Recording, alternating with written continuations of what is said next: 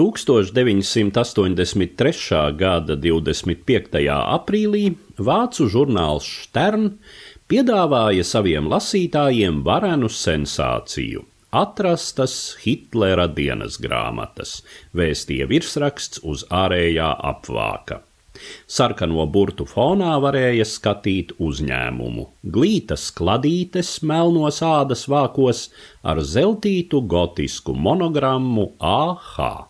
Nākamajās lapusēs sekoja plašu fragmentu publikācija, kas lika domāt, ka šis atradums var diezgan pamatīgi mainīt rietumvācu sabiedrībā valdošos priekšstatus par nacistu reihu un otrā pasaules kara izraisīšanās apstākļiem.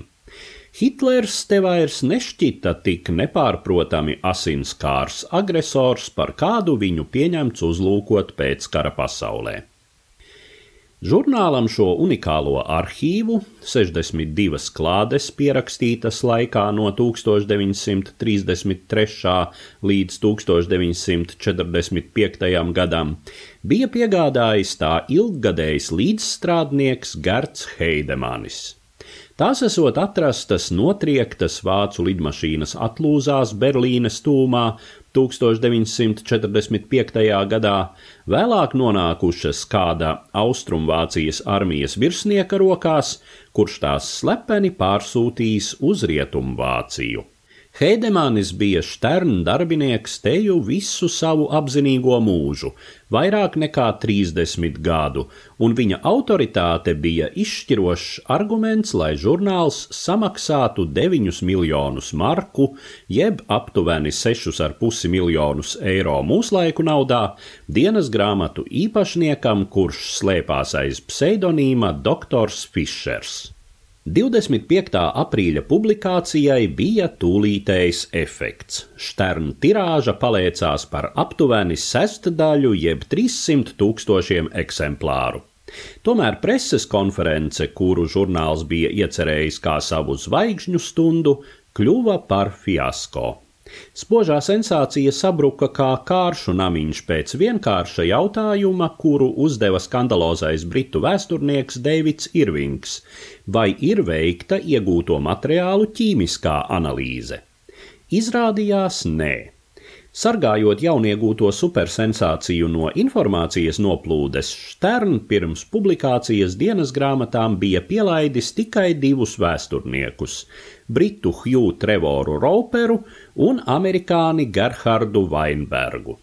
Abi tobrīd bija apliecinājuši, ka viņu prāt dienas grāmatas esot īstas, taču nu strauji mainīja viedokli. Rūpīgāk apsverot, atklājās vairākas apšaubāmas detaļas. Piemēram, bija vispār zināms, ka Hitleram pēdējos dzīves gados ļoti stipri trīcēja rokas, bet uz rokrakstu dienas grāmatās tas nebija atstājis ne mazāko iespaidu. Jau pāris nedēļu laikā Vācijas valsts arhīva laboratorija sniedza nepārprotamu slēdzienu. Papīrs, līme, iesējums - viss bija gatavots pēckara laikā. Vienam no arhīva darbiniekiem arī izdevās atrast avotu, no kura viltotājs bija smēlies tekstuālo materiālu - 1962. gadā izdotu grāmatu Hitlers, runas un paziņojumi.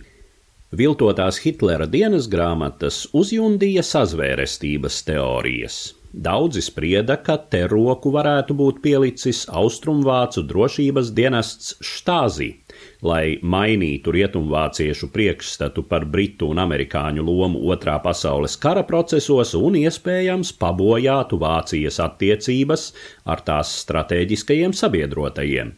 Šķita neticami, ka neskaitāmās lapuses būtu viltojis viens cilvēks. Tomēr tā izrādījās tiesa. Viltotājs bija Študgartes nacistu laika antikvariāta tirgotājs Konrāds Kūjaus. Viņam un arī žurnālistam Heidemanim šī afēra maksāja vairāk nekā četrus gadus aiz restēm, pie tam tiesa uzskatīja abus par praktiski vienlīdz vainīgiem. No amatiem bija jāatvadās Štern vadošajiem redaktoriem, kā arī britu izdevumu The Sunday Times un Newsweek redaktoriem, kuri bija plānojuši dienas grāmatu pārpublicēšanu. pamatīgi cieta arī procesā iesaistīto vēsturnieku reputācija. Stāstīja Eduards Liniņš.